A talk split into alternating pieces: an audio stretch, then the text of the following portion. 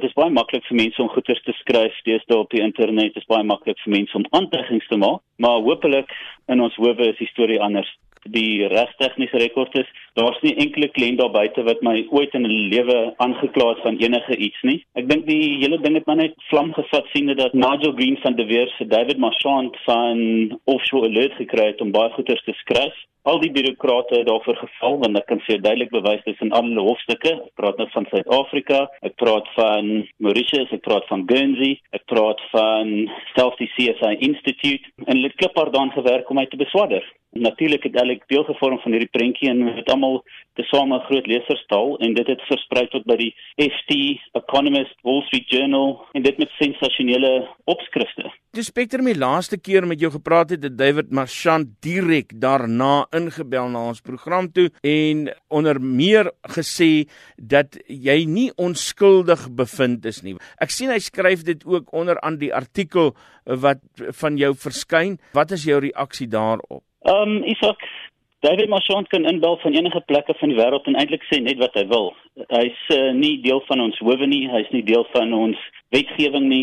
Dit is irrelevant oor wat hy regwaar sê want dit hoef nie eers waar te wees nie. Maar enige regdenkende logiese mens hoort te besef dat as jy 3 jaar na die feit nie enkele mense het wat opstaan, hulle hand opsteek en sê Kobus Kellerman het ons geld gesteel nie terwyl die opskrifte gesê het 200 miljard rand is gesteel. Ek bedoel dis net absoluut belaglik. Ek verstaan nie wat ek nog moet bewys nie. Die aantuigings het jou sake ryk in duie laat stort na al die ondersoeke wat gedoen is en wat gestaak is. Wat is jou regsposisie nou? My regsposisie in Suid-Afrika is presies dieselfde neem ek aan as joune. Ek weet nie wat joune is nie maar ek is nie ek mag doen as 'n direkteur van enige maatskappy. Ek mag doen in teorie seker maar net wat jy mag doen in teorie, maar dit is baie moeilik met dit dat mense reputasie aangeval is. Uh, ek is doodseker as ek aansoek doen by Al Mutual of Sanlam vir 'n werkie gaan hulle dalk anders na my kyk as na ander mense.